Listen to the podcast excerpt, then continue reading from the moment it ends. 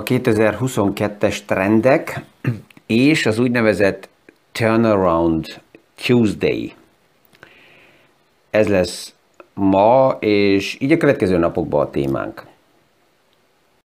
Mi is aktuális pénzpiaci témákról, összefüggésekről beszélgetünk. Gazdaságról érthetően János Zsoltal. Üdvözlünk mindenkit a mai PFS Kávézac podcaston. Azért lesz ez a következő napokban többször téma, mert így a 2022-es témáira ezek a kilátások, kitekintések, amit az elmúlt napokban, podcastban felhoztam, arra sok kérdés jött, és volt olyan kérdés is, hogy ezekkel minek kell foglalkozni, elég, hogyha majd mm, jönnek a témák, akkor erre lehet reagálni. Persze, tehát ez is egy, ez is egy modell, ez is egy verzió a jövőt kezelni. Én ugye abban a helyzetben vagyok, hogy a podcast ideális, mert egy pár gondolatot meg tudok beszélni. Alapjában magammal, itt a kamerával, a mikrofonnal, és nagyon sokszor, amikor felvettem a podcastot, akkor ha még egyszer felvenném, akkor, akkor egy pár dolgot lehet, hogy másképp mondanék, de ezért sem hallgatom vissza a podcastokat, mert eh, ahogy mondtam többször is, ez abból alakult ki, hogy az aktuális piaci helyzetet, az aktuális gondolatokat így ideális, szinte mindegy ilyen eh, naplót felvenni, és majd-majd később, lehet, hogy egy év múlva belehallgatni, vagy más piaci helyzetekbe belehallgatni, és azt nézni, hogy ma hogy, hogy láttam a piacot, az érdekesebb, mint um, így most kvázi perfekt anyagokat, örökzöld anyagokat legyártani, amit, amit bármikor lehet majd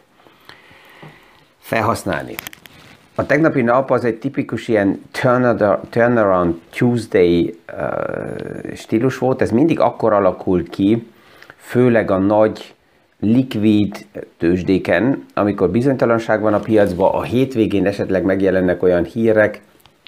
amit ne tud beárazni a tőkepiac, akkor ez persze, hogy hétfőn kell megtörténjen, mert akkor van újra a kereskedés. És ha a hétfői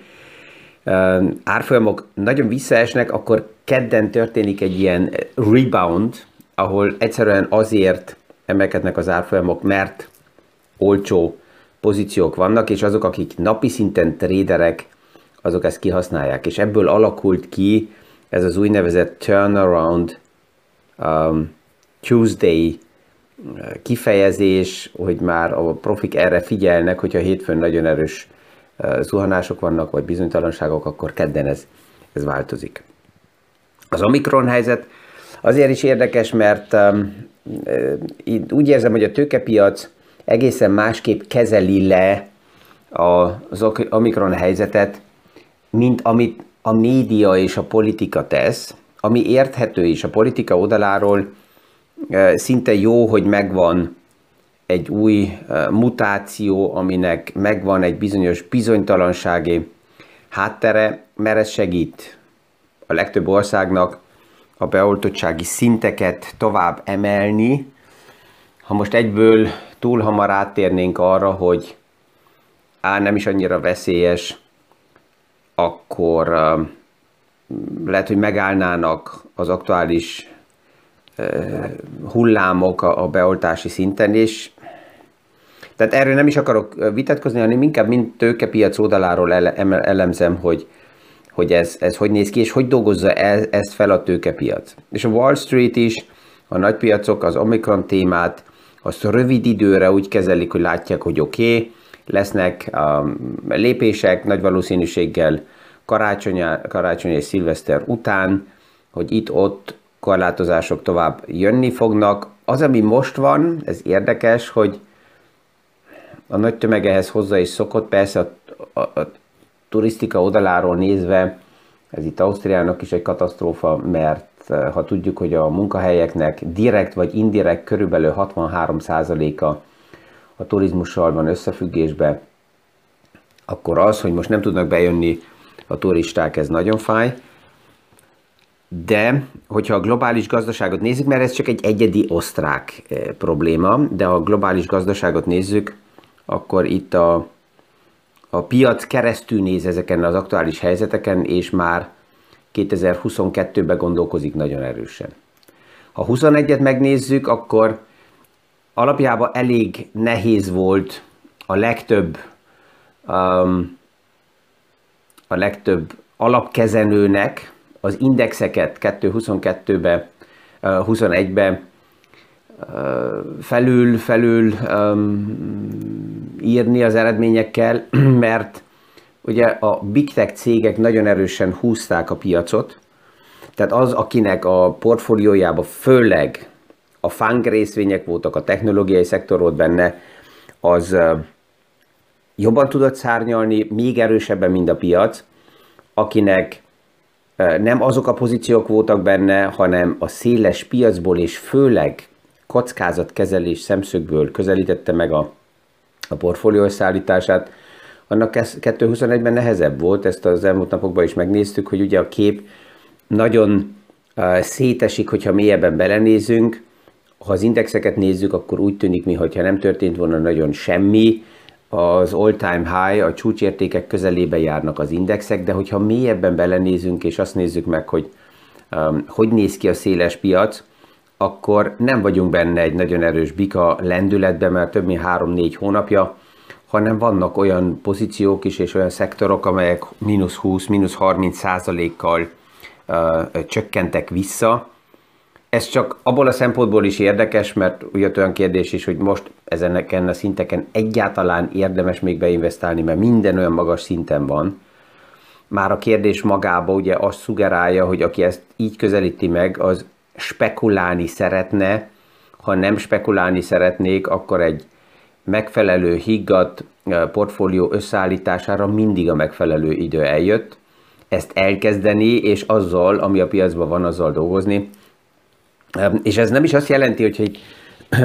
reggelente podcastokban sokat beszélgetek, mert ilyen kérdés is jött, hogy akkor azt jelenti, és az a célom a podcast, hogy megadjam az információt, hogy akkor ezt mindenki saját maga kezdje el és csinálja. Hát ahhoz, hogy valaki elkezdje, és saját maga a portfóliókat összeállítson, azt merem állítani, hogy arra rám nincs szükség. Mert a lehetőségek megvannak, és hogyha valakinek ez a hobbija, és a munkaidő után ezzel szeretne foglalkozni, feel free, erre megvannak a lehetőségek. Nem, az alap ötlet az, és ezért is a podcastokat nagyon-nagyon sok ügyfelem kapja meg azért, hogy ők érezzék azt, hogy az, akivel dolgoznak, kvázi az a szakács, akik nekik főz a konyhába, az hogy gondolkozik, hogy látja a témákat, milyen formában kezeli a különböző összeállított portfóliókat, um, milyen kérdésekre adok már választ, mielőtt feltették volna, milyen kérdéset tudunk a következő alkalommal uh, beszélgetni. Tehát ez a cél, és küldik nekem a témákat, hogy mi foglalkoztatja, mi az, ami nekik fontos, és ebből bonyolítom én, és a kollégák persze, hogy le a portfóliók összeállítását, kezelését, monitorozását, eznek a kísérését, minden, ami hozzatartozik. Um, tehát, hogyha visszamegyünk a, a piaci eseményekhez, akkor az egyik az Omikron, amin keresztül néz a tőzsde. Miért? Azért, mert azt látja, hogy valójában a pénzügyi politikának a változása az, ami sokkal relevánsabb és lényegesebb a jövő évre is nézve. Ez fog megváltoztatni sok, sok részét a játéknak. Egy Bank of America kiértékelése az elmúlt napokból mutat egy nagyon érdekes összefüggést, ilyen korrelációt a, az amerikai központi banknak a mérlegét összehasonlították azzal, hogy a fang részvények, tehát azok, akik nagyon-nagyon erősen a, az indexeket is dominálják, azoknak milyen a, a fejlődésük, az árfolyamok. És itt um, most aki a podcastot hallgatja, az nem látja, de a grafikát, ha megnézzük, akkor ez szinte egy az egyben, mint, mint egy párhuzamos vonal húzva van, hogy a piaci likviditás az főleg a tech szektort nagyon erősen hajtotta felfele, és ez lesz a fő kérdés a következő években, hogy ez hogy fog tovább menni, azzal, hogy a központi bankok mai szemszögből nézve a további likviditást nem akarják növelni, hanem inkább ezt csökkenteni szeretnék a piacokba, és hogy, hogy ez nagy valószínűséggel főleg a tech szektorra lenne hatással. Ez a példa, amit fel van vezetve, ez azért sántít véleményem szerint egy kicsit, mert ma a nagy big tech cégek, ha veszem a Google, Microsoft, Facebook, nem Facebook már, hanem Meta, Apple, Amazon, ezek a cégek nagy rész már nincsenek ráutalva olcsó hitelekre. Úsznak a likviditásba, nagyon nagy a cash pozíciójuk, ami megvan, tehát, hogyha a piacon ma változik, a, változnak a keretek, és a hitelek drágábbak lesznek, nem lesz olyan egyszerű az olcsó pénzhez hozzájutni, ez igaz, hogy a technológiai szektorban, főleg a növekedő cégeknél mind releváns lesz, mert ők rá vannak utalva erre a likviditásra. De ha veszem a nagy big cégeket, akkor ők már ebből a growth kategóriából kinőtték magukat, és inkább már value defenzív értékekről tudunk beszélni. Tehát ez is egy jellemzője a piacnak, hogy a value, tehát azok a, azok a szektorok, amelyek nincsenek hitelre utalva, nagyon erős a cash flow, nagyon alacsony az eladósodási szintjük, és dominálják bizonyos piaci szektor részét, azok defenzív értékek, és ők akkor is nagyon jól tudnak tovább a bizniszmodellekkel működni, hogyha a kamatok emelkednek. De a nagy tömeg, ami mögöttük van, az a nagy tömeg, ami a szektort érinti, az az, amely érintett, hogyha a kamat paraméterek változnak. És egy téma van, amiről az elmúlt napokban ugye a jövő évi trendekről is beszélgettem, ezt érdemes figyelni, hogy az, ami jönni fog, és inkább itt három-öt évről beszélünk, mint tízről. Ez érdemes mindenkinek megnézni, hogy az ő iparágát, az ő munkakörét mennyire fogja az érinteni, hogyha közeledik az az idő, hogy a készpénz transzakciók meg fognak szűnni. Ez, ez már legalább egy ilyen tíz éve uh, újra és újra említett téma. Nagyon sokan vannak, akik azt mondják, hogy ó, ez nem fog jönni, de ha jeleket figyeljük, akkor a becsapások egyre gyakrabban jönnek, a jelek egyre gyakrabban jönnek,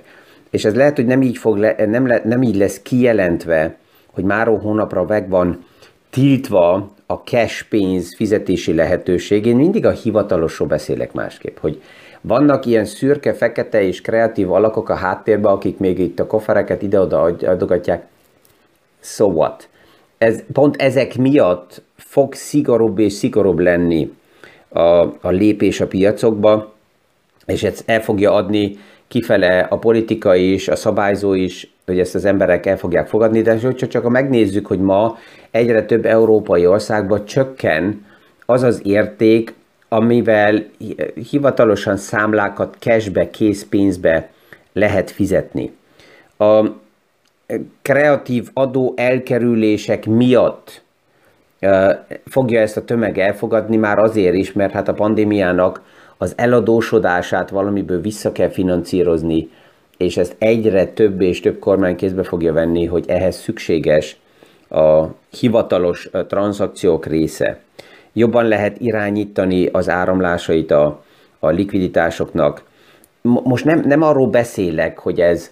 esetleg um, korlátozza az embereknek a szabadságát, nem, hanem csak egyszerűen a lehetőségekről, hogy a nem cash fizetések, hogyha minden bekerül online világba, hogy ennek a transzparenciának milyen a, mik az előnyei, és hogy ezek miatt ez miért lesz jóval erősebb. Az érdekes az, hogy akár még betegségek témája is be tud kerülni abba, hogy készpénz visszafolytása, mert hát ha megnézzük ma a bankjegyeket, hogy hányszor váltanak bankjegyet embereket, kinek van a kezébe, hova hordozzák. Egy másfél évvel ezelőtt arról mos, azon mosolyogtunk, hogy Kína például megmosta a bankjegyeket, amikor a, az első pandémia hullámokban nagyon erősen benne voltak, és ezért nagyon erősen követelték, hogy ne cash fizessenek az emberek, hanem térjenek át online fizetésekre, kártyákra. És e, ez a téma, hogyha lerövidítsük, ez a CBDC, tehát Central Banks Digital, Digital Currency, Ez lesz az a téma, amiért a cash pénzek vissza fognak szorulni, és az indítója ennek Kína lesz. Kínának már a digitális fizetőeszköz, a digitális huán megvan, ez már csak egy gomnyomás kérdése, és a, az olimpia és az olimpiai a falu erre egy jó kísérlet lesz 2022-ben, mert ott semmi cash transzakció nem fog történni az olimpia falun belül, hanem csak kizárólagosan digitális huan transzakciók, ami nem, nagyon egyszerű, nem is annyira radikális, mert hát egy, egy majd sportoló Európából elrepül Kínába, akkor minek vigyen kész pénzt oda, van a kártya, ez fel van töltve, és ezzel fizetés kész. Ez, ez ma uh, már a legnormálisabb, hogy most a kártyán van a feltöltős eszköz, vagy a telefonján, hogy ennek más irányítási lehetőségei is vannak, ez, ez teljesen tiszta, amit hallunk ugye Kínából, ilyen social um, um, ajándékok, hogyha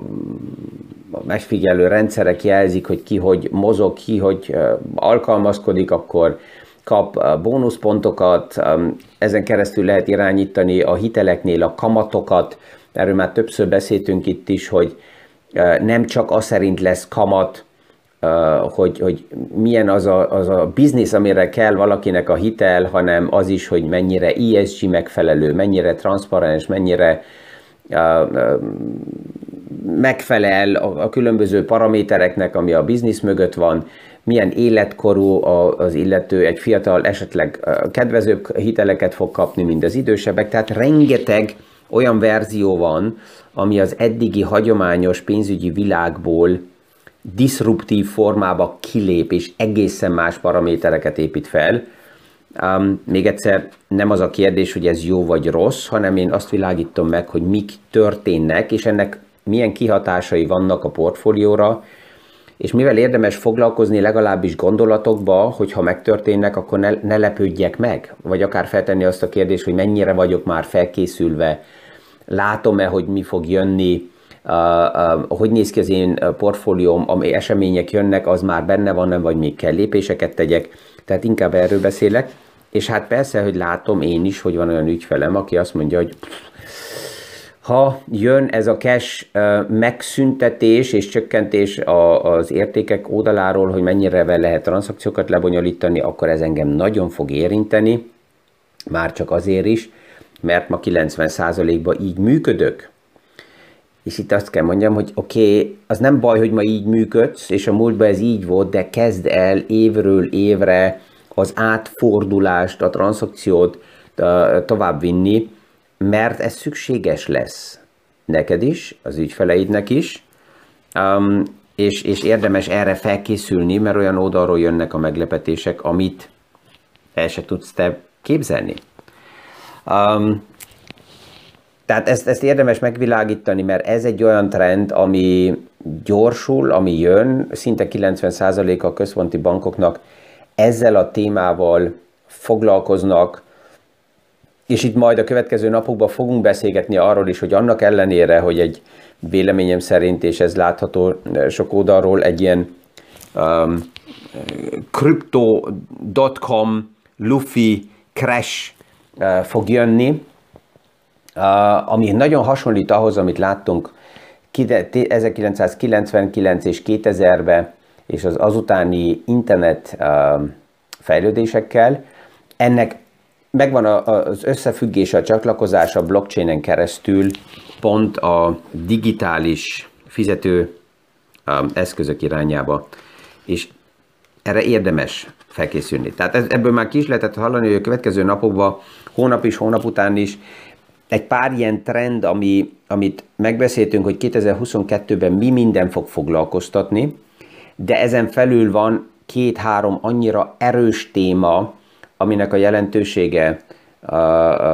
egyre, egyre erősebb és szivárok be az életünkbe,